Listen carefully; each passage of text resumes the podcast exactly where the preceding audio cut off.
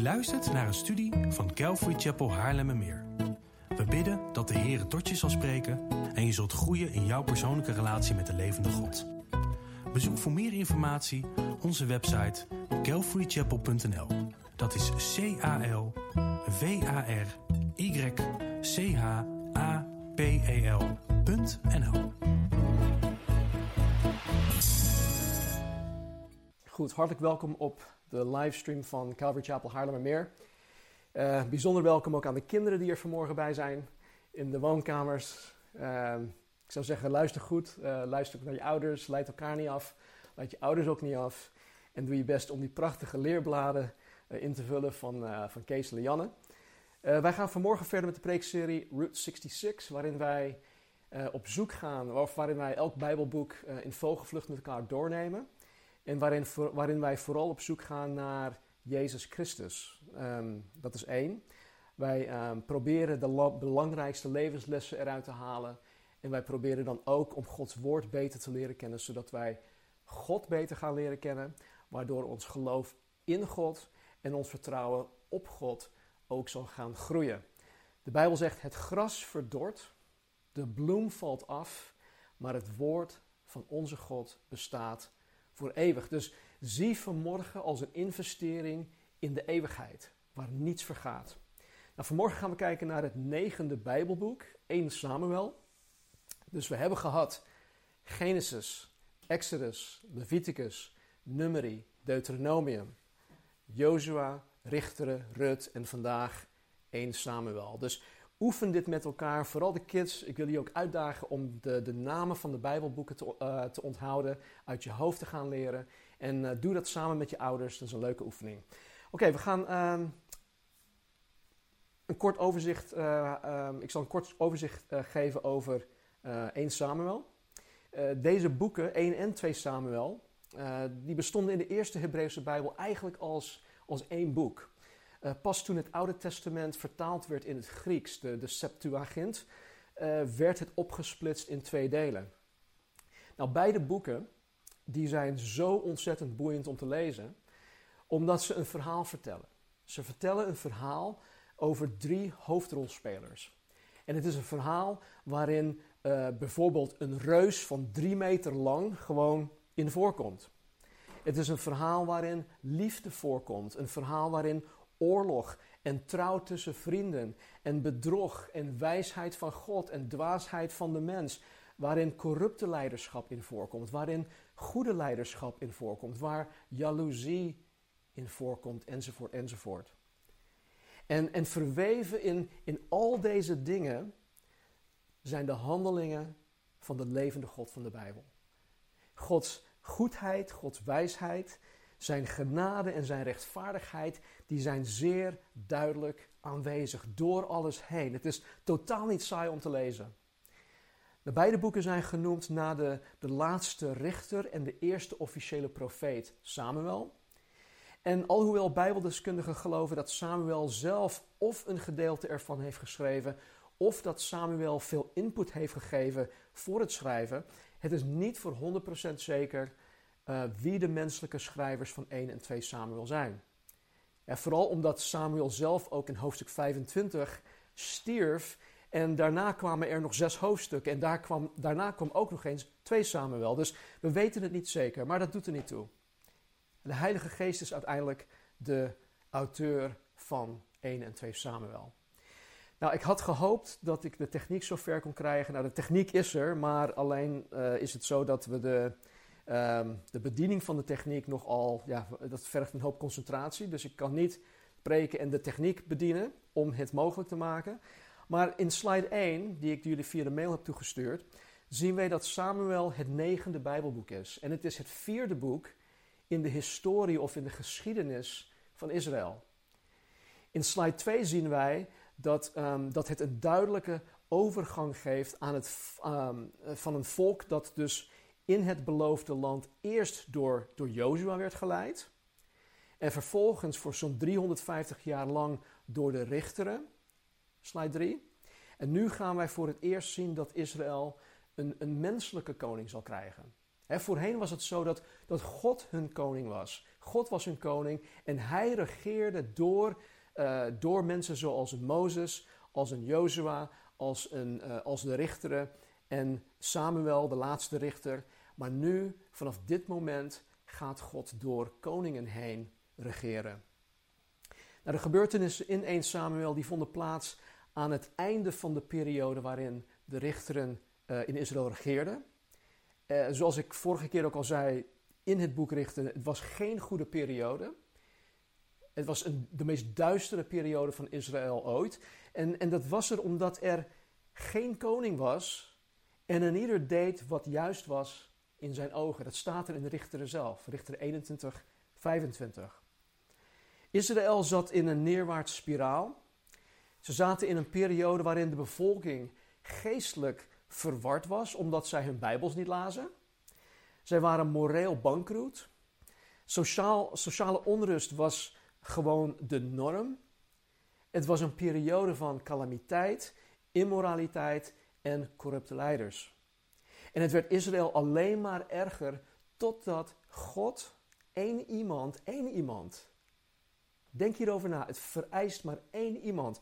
Totdat God één iemand bereidwillig vond om God boven alles te stellen. Eén iemand die bereidwillig was om God boven alles lief te hebben. Eén iemand die bereidwillig was om God koste wat kost te dienen. En dat was Samuel. Nou, zoals ik zei, zijn er drie hoofdrolspelers: Samuel, uh, koning Saul en koning David. Uh, natuurlijk zijn er ook een aantal mensen met, met bijrollen, als we het even zo mag, mag noemen. Bijvoorbeeld Hanna, de moeder van Samuel. Eli, de hoge priester. Jonathan, de beste vriend van David. Ook zijn er korte verschijningen van, uh, in dit verhaal van onder andere Goliath, de reus van drie meter lang. Abigail en Doeg, allemaal stuk voor stuk zeer boeiende figuren. En het boek verdeelt zich prachtig in drie delen. Dat is dan de laatste slide. Hoofdstukken 1 gaan voornamelijk om Samuel en om zijn bediening als richter, als profeet en als priester. Hoofdstukken 8 tot met 15 gaan voornamelijk over het koningschap van koning Saul, de eerste koning van Israël. En dan tot slot hoofdstukken 16 tot 31 tot en met 31 gaan voornamelijk over het voorbereidend werk in het leven van David op zijn toekomstig koningschap. Dus Saul was de eerste koning van Israël en koning David was zonder twijfel de beste en meest bekende koning van Israël ooit. Tot op de dag van vandaag. Nou, vanaf hoofdstuk 16 tot en met 31 eh, is er wel wat, wat overlap tussen het leven van koning Saul en het leven van de toekomstige koning David. Dus hou dat wel uh, in je achterhoofd. Oké, vanaf hoofdstuk 1 tot en met 7. Het boek uh, begint met het verslag van een zekere man die Elkana heet. Een leviet van afkomst, maar een bewoner van de plaats Ephraim. Nou, dit is belangrijk om te weten, want zijn toekomstige zoon Samuel zou priester worden. En alleen mannen uit de stam van Levi mochten priesters worden. Dus als uh, deze Elkana een Efra, uh, Eframiet of zo'n Efratiet was, dan zou hij dus niet in aanmerking komen om zijn zoon priester te laten worden. Maar goed, hij is dus een, af, een afstammeling van uh, Levi. Deze Elkana die had twee vrouwen.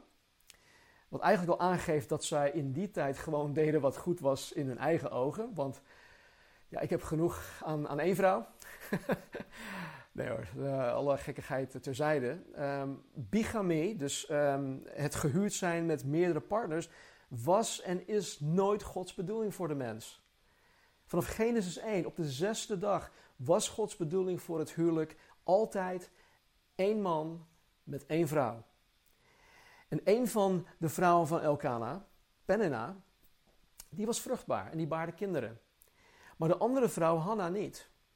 En nu was het zo dat onvruchtbaarheid in die tijd een schande was. Het was een teken van vervloeking en, en van Gods afwijzing. Dus uh, was, deze Hanna was hier, hierover zeer en zeer bedroefd. Zij kon geen kinderen krijgen. En op een gegeven moment, toen het tijd was om naar uh, Silo toe te gaan, om daar de, de, een van de drie jaarlijkse feesten te vieren, ging Elkana met zijn gezin naar Silo toe. Uh, de plek waar de tabernakel stond, de tabernakel van God. En, en, en op, Op een gegeven moment ging Hanna alleen naar de tabernakel toe om, God te, om, om tot God te bidden. En dan staat er dit, 1 Samuel 1 vers 9 tot en met 11. Toen stond Hanna op, nadat men in Silo gegeten en gedronken had. Nu zat Eli, de priester, op een stoel bij een deurpost van de tempel van de Heere. Het wordt een tempel genoemd, maar het is eigenlijk de, de tabernakel. Bitter van gemoed bad Hanna tot de Heere en zij huilde erg. Zij legde een gelofte af. Zij zei, Heere van de legermachten, wanneer u werkelijk de ellende van uw dienares aanziet, aan mij denkt en uw dienares niet vergeet, maar aan uw dienares een mannelijke nakomeling geeft, een jongetje, dan zal ik die voor al de dagen van zijn leven aan de Heere geven. En er zal geen scheermes op zijn hoofd komen. Dus als God Hanna een zoon zou geven, dan zou zij haar zoon teruggeven aan de Heere als een Nazireër. Dit is ook een, een, een basis voor het opdragen van een kind. Want wanneer wij kinderen opdragen aan de Heere, dan, dan geven we als het ware de kinderen terug. En wij, wij, wij geven een gelofte af aan God dat wij de kinderen zullen opvoeden in de vrezen des Heren. En een Nazireër was iemand die geheel afgezonderd was uh, voor God. Hij was dus geheel afgezonderd voor en hij was ook toegewijd aan God. En als je hier uh, meer over wil weten, lees nummer hoofdstuk 6. Nou, na haar gebed, en er gebeurden nog wat dingetjes. Uh, Eli dacht ze, dat ze dronken was, maar goed, dat doet er niet toe.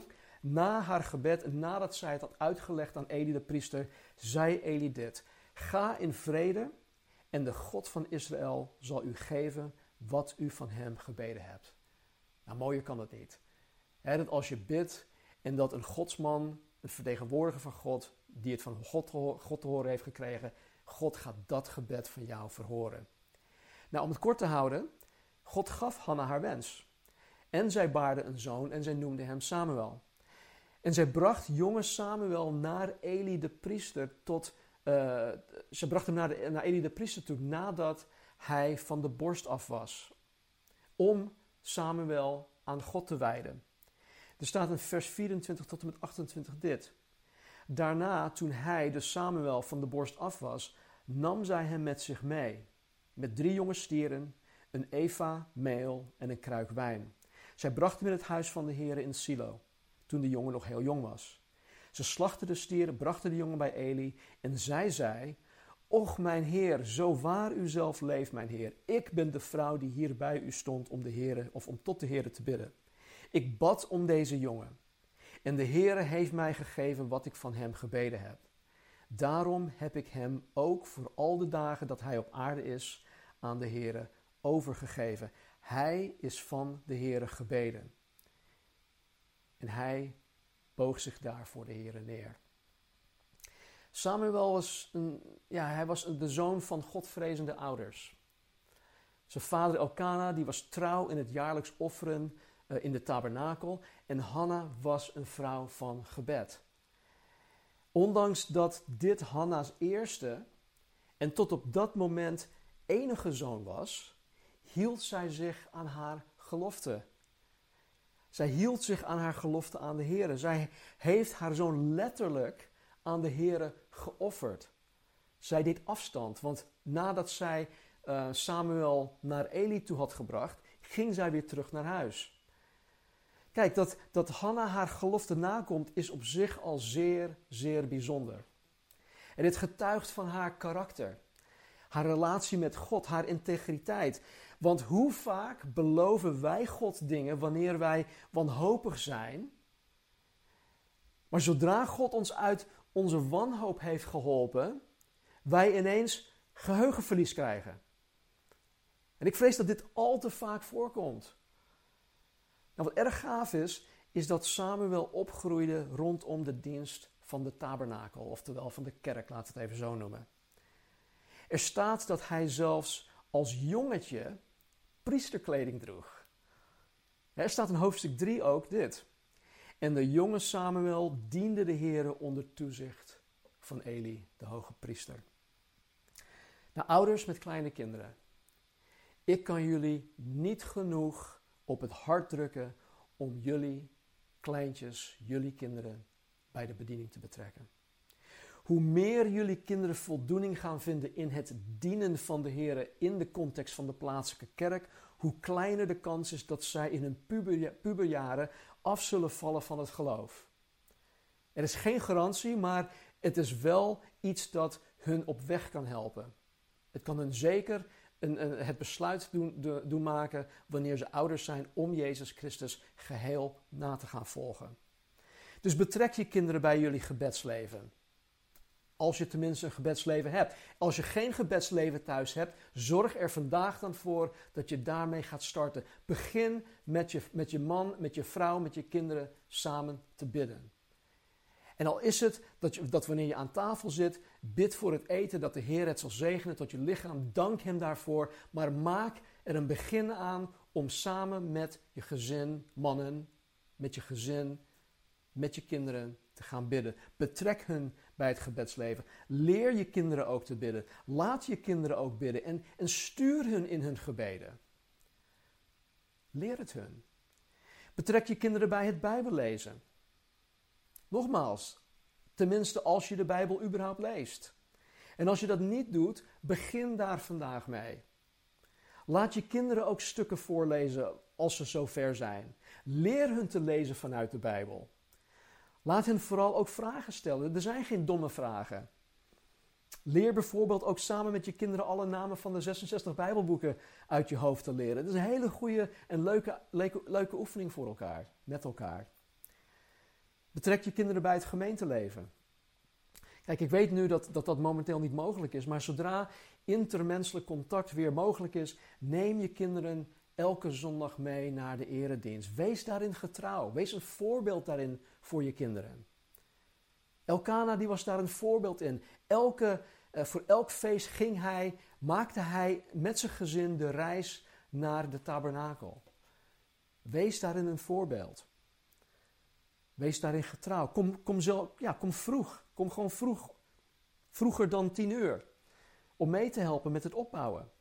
Geef je kids ook iets te doen. Geef hen een stukje verantwoordelijkheid. Maak hun verantwoordelijkheid voor dat ene kleine ding. Weet je, het, het, doet kinderen zoveel goed om hun een stukje verantwoordelijkheid te geven. En laat hen zo vroeg mogelijk gewoon leren om de Heer praktisch te dienen. Terwijl Samuel als jongetje de Heer in de tabernakel diende, riep God hem om God als priester, richter en profeet te gaan dienen. Dus terwijl Samuel al praktisch aan het dienen was, riep God Samuel om hem geestelijk te gaan dienen. Tot drie keer toe riep God Samuel bij zijn naam. Vergeet niet, de situatie in Israël was ellendig. Er staat in hoofdstuk 3, vers 1: Het woord van de Heere was schaars. Het woord van de Heere was schaars.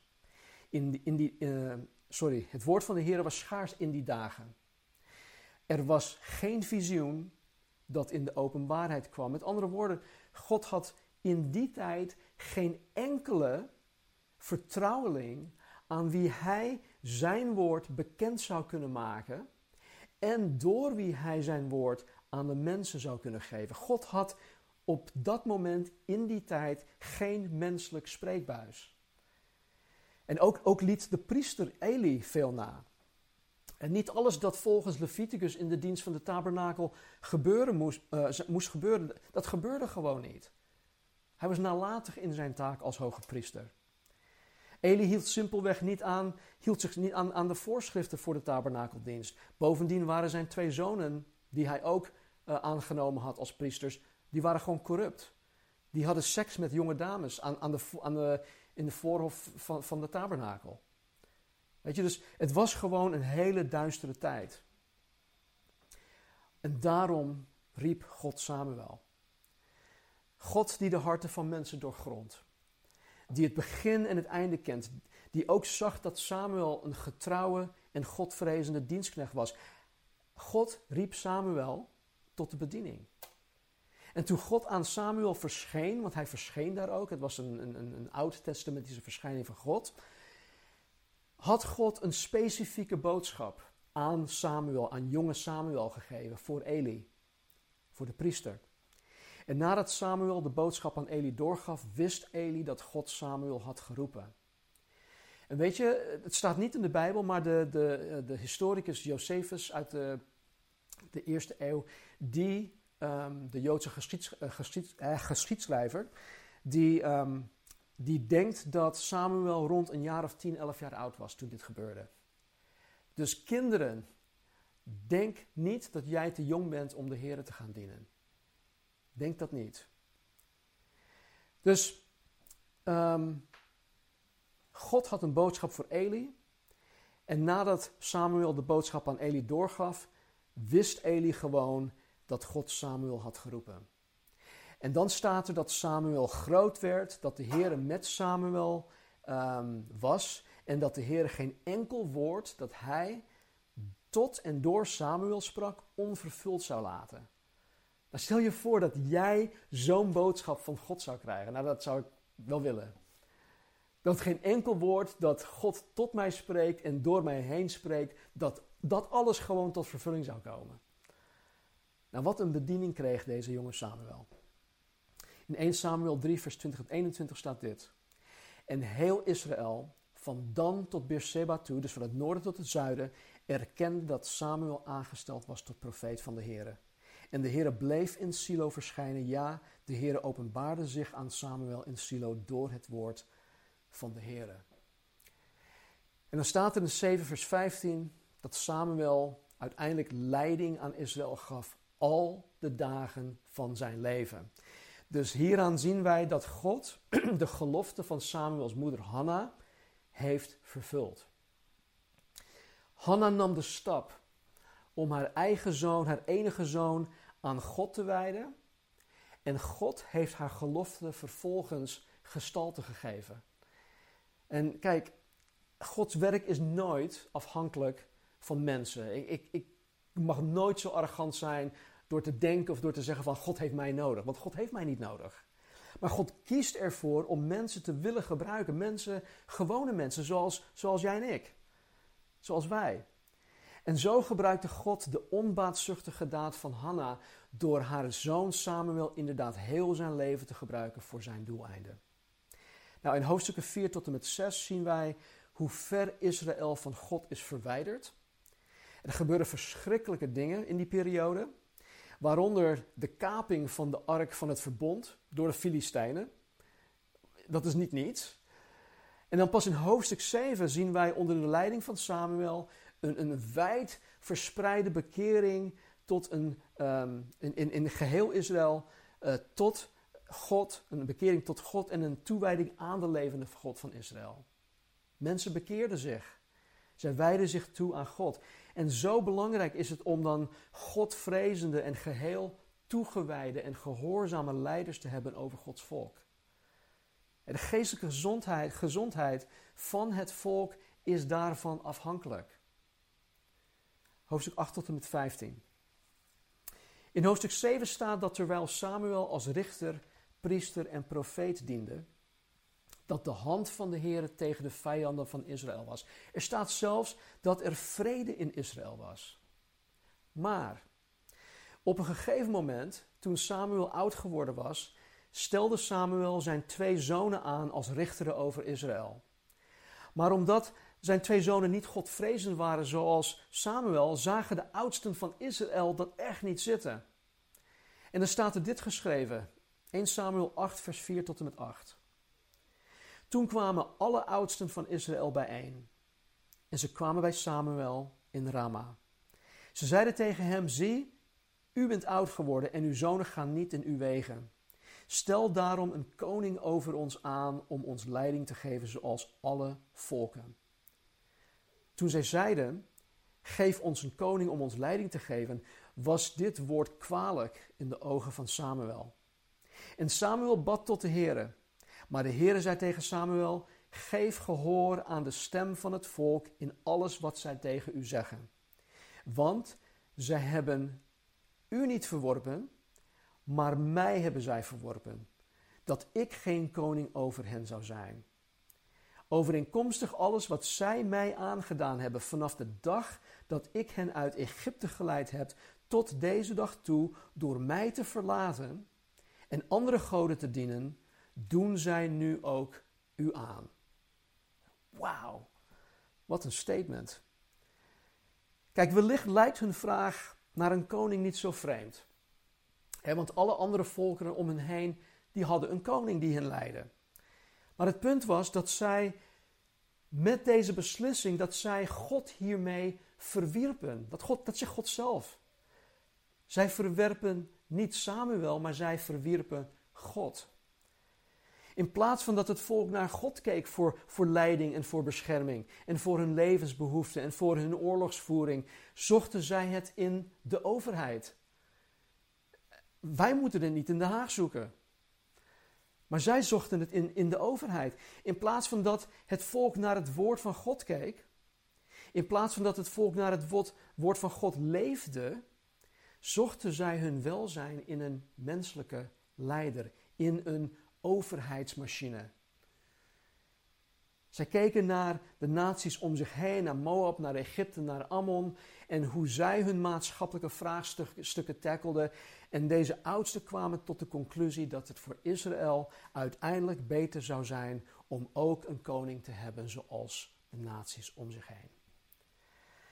Nou, het allerergste van dit besluit was dat het volk hiermee eigenlijk afstand doet van hun persoonlijke verantwoordelijkheid naar God toe.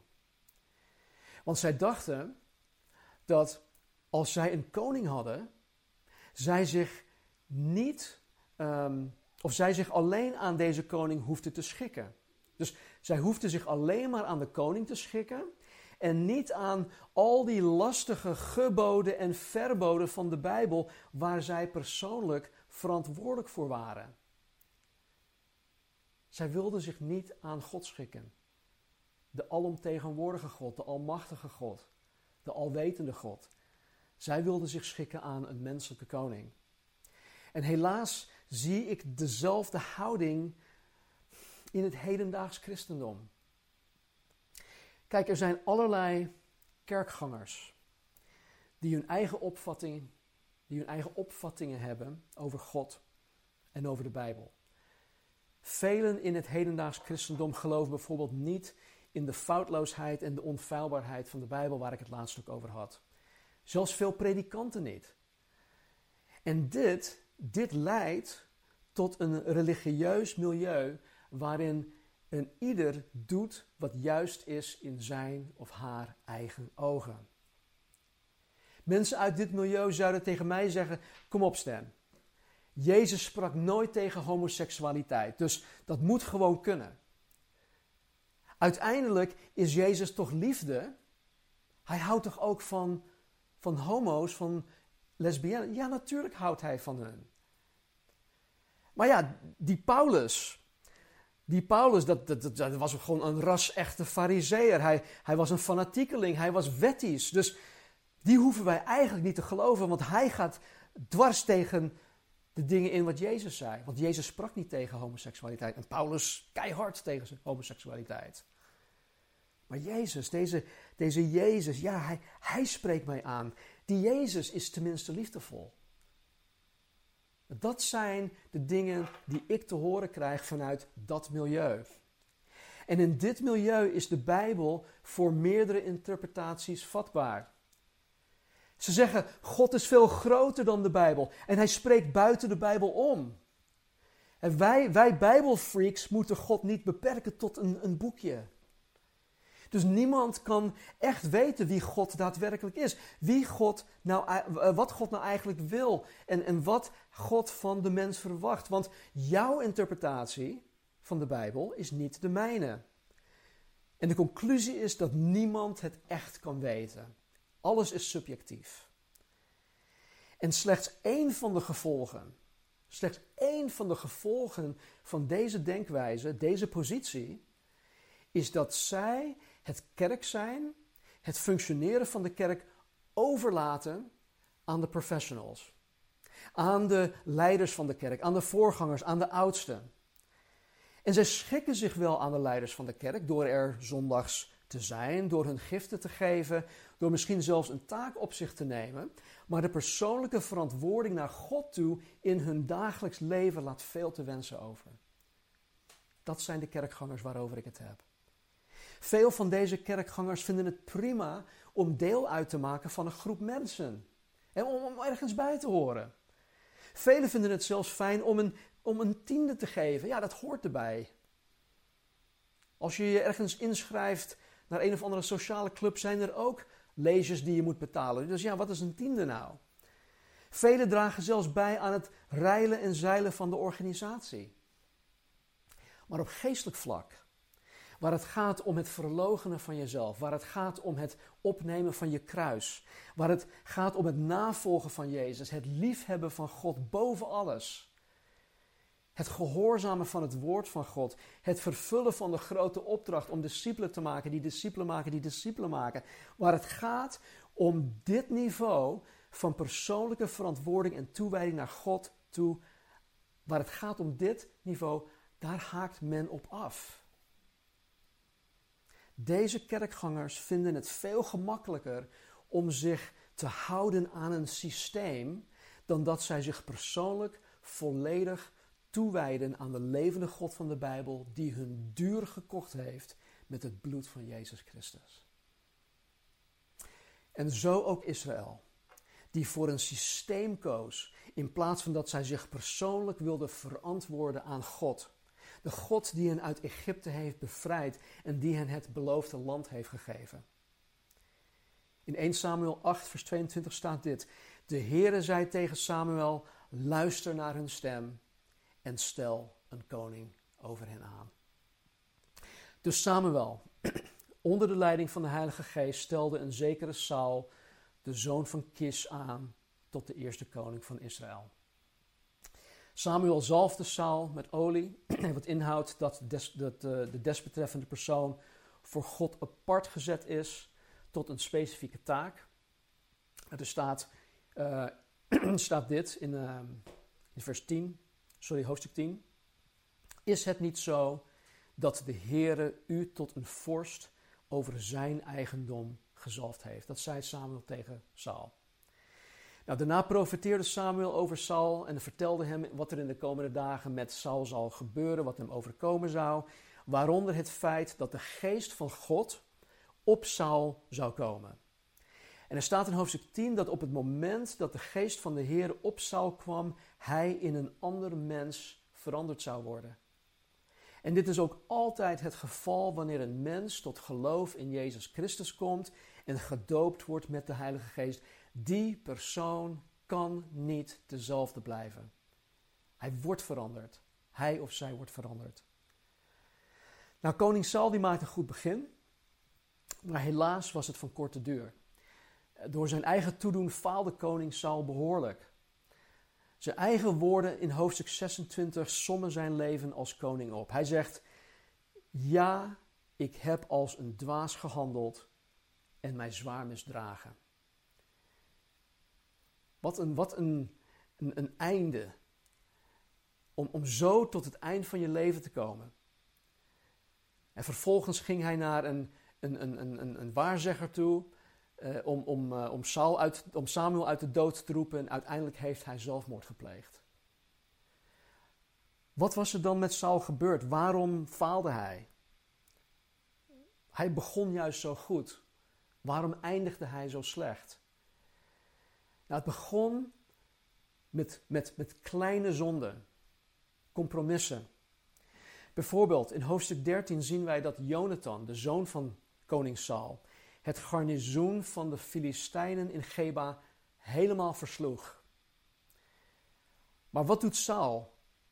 Hij liet door het hele land de bazuin blazen met de boodschap dat koning Saul de Filistijnen heeft verslagen.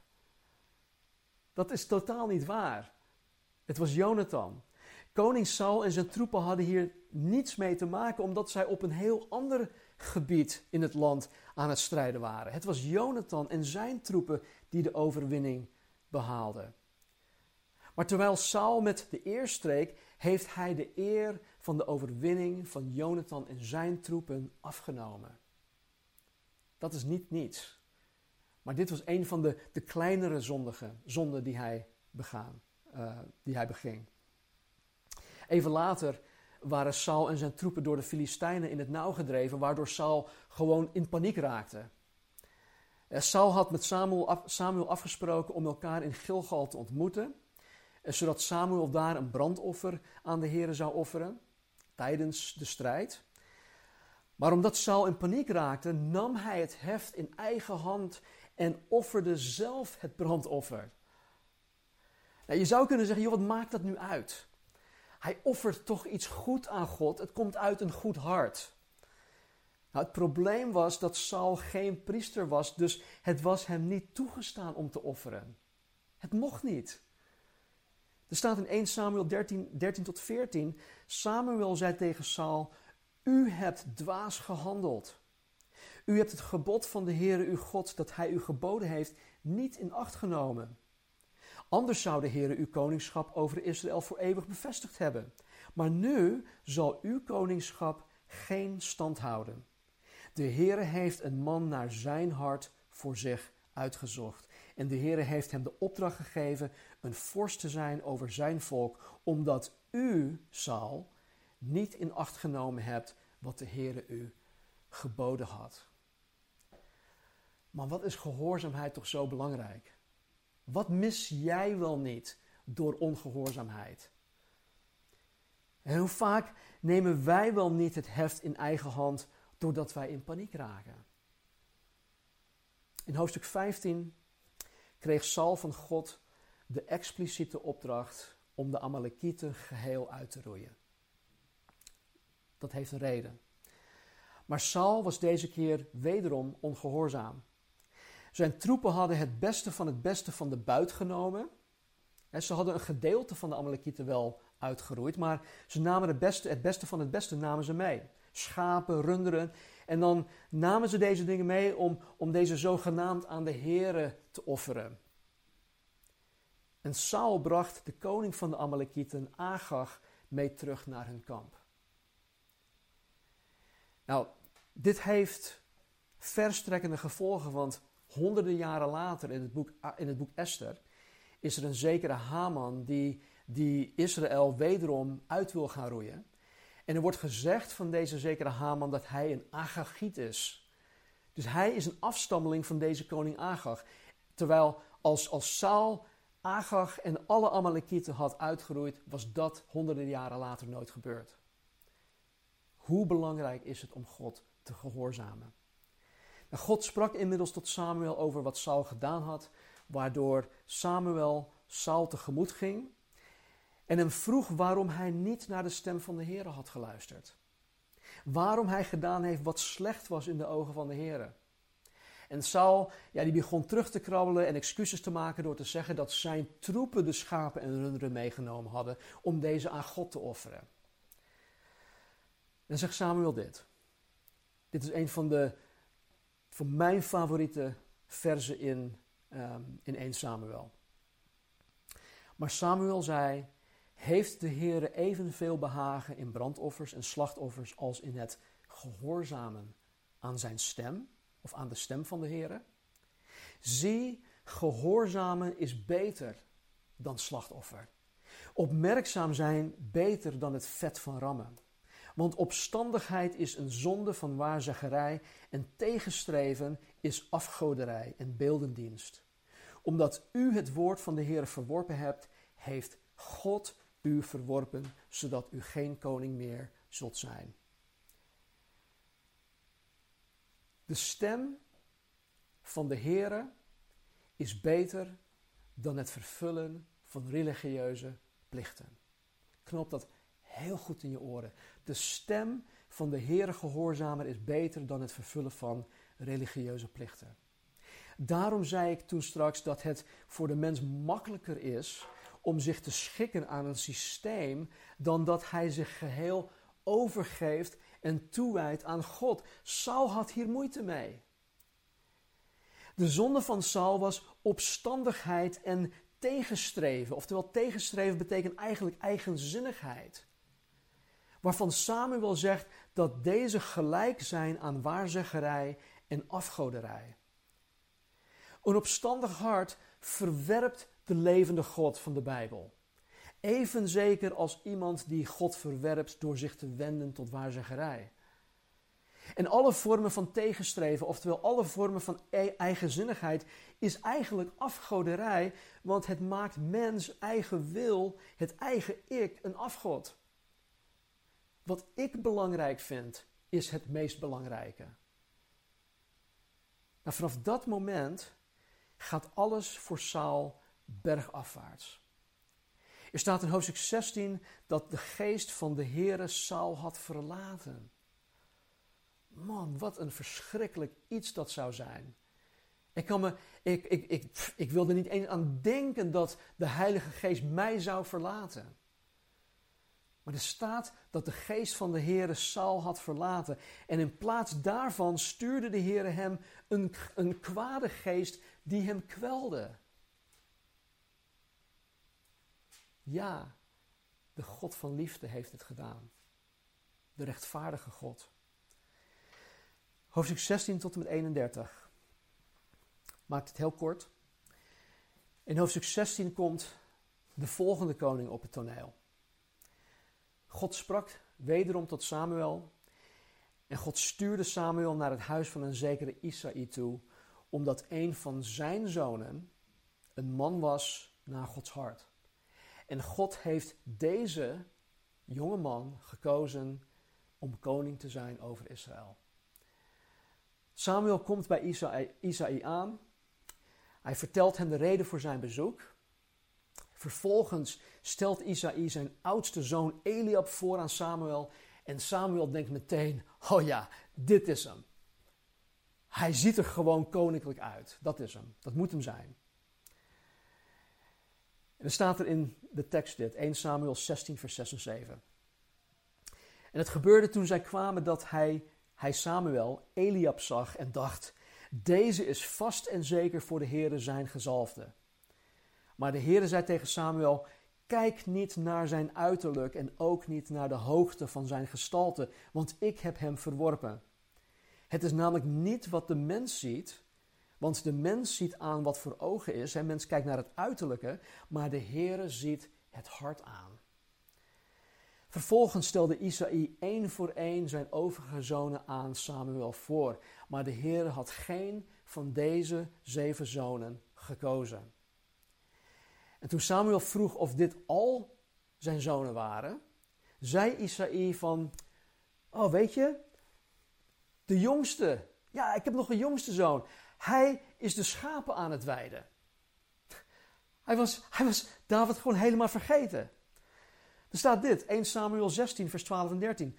Toen stuurde hij dus Isaïe een bode en bracht hem, David, de jongste zoon. Hij was rossig, had mooie ogen en was knap om te zien. En de Heere zei tegen Samuel: Sta op, zalf hem, want deze is het. Toen nam Samuel de oliehoorn en zalfde hem te midden van zijn broers. En de geest van de Heere werd vaardig over David vanaf die dag en voortaan. Daarna stond Samuel op en ging naar Rama. Nou, even een paar observaties. Toen Samuel bij Isaï kwam en naar al zijn zonen vroeg, hielden Isaïe en zijn zeven zonen David volledig buiten beschouwing. David was niet eens op hun netvlies. Hij was de jongste en hij werd eigenlijk door al zijn oudere broers geminacht, wat je later in het verhaal ook ziet. Omdat David de jongste en in de ogen van de familie de minst waarschijnlijke kandidaat was, sloegen zij de plank gewoon mis.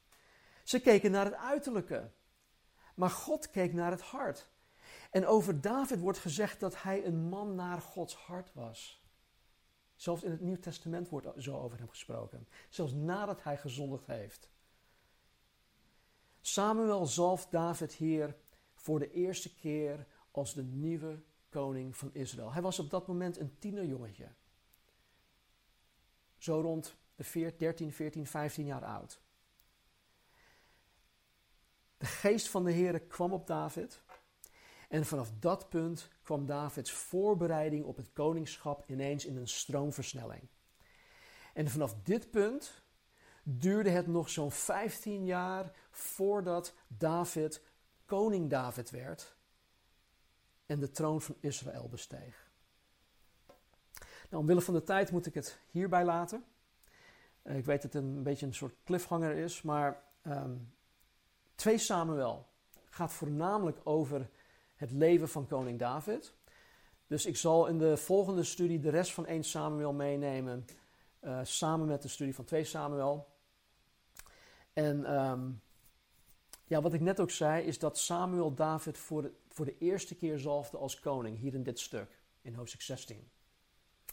Nou, ik weet niet of jullie dit weten, maar David werd meerdere keren gezalfd als koning. Dus ik wil jullie uitdagen om deze week de rest van 1 Samuel te gaan lezen, 2 Samuel te gaan lezen en ga op zoek. Ga niet online zitten zoeken, maar lees je Bijbel. Heb een beetje discipline, zelfdiscipline. Lees gewoon je Bijbel en ga op zoek naar de andere keren, de overige keren dat koning David of dat David als koning gezalfd wordt. Ah, Oké. De insteek van deze serie, wat ik aan het begin van de serie ook zei, is om Jezus Christus in elk boek te gaan ontdekken. En nu is het zo dat Jezus niet expliciet in alle Bijbelboeken in het Oude Testament voorkomt, maar vaak wel in de vorm van typebeelden. Samuel is een typebeeld van Jezus Christus in de zin dat hij een priester, een profeet en een richter is. En een richter vervulde eigenlijk de taak van een koning. Jezus is de enige. Jezus is de enige die daadwerkelijk onze hoge priester is. Hij is de profeet waar Mozes over sprak en hij is onze koning. Jezus is de koning der koningen. En zoals Jezus een nieuw verbond met de mensheid aanging en de mens tot een nieuwe bedeling bracht, de bedeling van de kerk, de bedeling van genade, bracht Samuel het volk tot een nieuw tijdperk, het tijdperk van de koningen. Ook David was een typebeeld van Jezus Christus. Hij werd zoals Jezus in Bethlehem geboren. Hij was een herder zoals Jezus de goede herder is. En hij regeerde als koning van Israël zoals Jezus Christus onze koning der koningen is. Koning David was tegelijk ook de beste menselijke koning dat Israël ooit heeft gehad. Tot op het moment dat Jezus als koning op het toneel kwam. Nou, het, maakt verder niet uit wat alle details zijn in dit verhaal. Waar het uiteindelijk om draait is of jij deze Jezus Christus kent. Ken jij Jezus? Ken jij Hem als degene die voor jouw zonde aan het kruis is gestorven? Die op de derde dag uit de dood is opgestaan voor jou. Die gekomen is om om jouw leven te geven. Leven in overvloed hier op aarde aan deze kant van de eeuwigheid en eeuwig leven samen met Hem in de heerlijkheid nadat wij onze laatste adem hier op aarde uitblazen. De vraag is, wil jij vergeving van jouw zonde? Wil jij verzoend worden met de levende God van de Bijbel? Wil jij de zekerheid van het eeuwig leven na de dood? Wil jij een navolger van Jezus Christus worden? Zo ja, Geef simpelweg toe dat jij een hopeloze zondaar bent. En vraag God om jou te vergeven. Vraag het gewoon aan God. Bekeer je van je oude leven en wend je tot Jezus Christus en, en, en volg Hem na. Vraag Jezus om in jouw hart te komen leven. Vraag Hem om jou te dopen met de Heilige Geest, zodat jij überhaupt een christen kan zijn en niet slechts een kerkganger. Als je dit doet, zal Jezus jou absoluut niet weigeren. Niemand, maar dan ook niemand, is buitengesloten. Ook jij niet. Jezus zal zich gegarandeerd aan jou bekend gaan maken. Laten we bidden. Hemelse Vader, nogmaals, dank u wel voor wie u bent. Dank u wel voor uw woord. Dank u wel voor 1 Samuel, voor 2 Samuel, voor de geweldige voorbeelden, heren, in deze boeken. Voorbeelden die wij zeer zeker aan de ene kant niet moeten navolgen en andere prachtige voorbeelden die wij wel moeten navolgen. Dus heren, help ons. Heren, misschien zijn sommigen van ons al jarenlang bezig met een kerkelijk, een religieus systeem. Misschien zijn sommigen van ons jarenlang, misschien ons hele leven lang al kerkgangers. Maar heren, dat ons dagelijks leven, het zij op werk of thuis, in onze, in onze huwelijken, in onze relaties, met onze kinderen, buren, familieleden, waar dan ook, heren. Misschien zijn, uh, is ons dagelijks leven gewoon niet toegewijd aan u. En zoals we in het Engels zeggen, we're going through the motions. Heer, vergeef het ons alstublieft. En laat vandaag een, ja, een, een, een dag van een, een, een, een frisse start zijn. Dat wij het kerkganger achter ons, eh, het kerkganger zijn achter ons laten. En dat wij vanaf dit moment ons geheel aan de, de heerschappij van Jezus Christus overgeven. Help ons, Heer. Help ons. En Heer, waar wij uh, ja, misschien schuldig voelen of onnodig schuldig voelen over de, de, de rotte dingen die wij in het leven hebben gedaan, die wij andere mensen hebben aangedaan. Heren, help ons om, om dat aan u over te geven, wetende dat u, Jezus, daarvoor aan het kruis bent gegaan.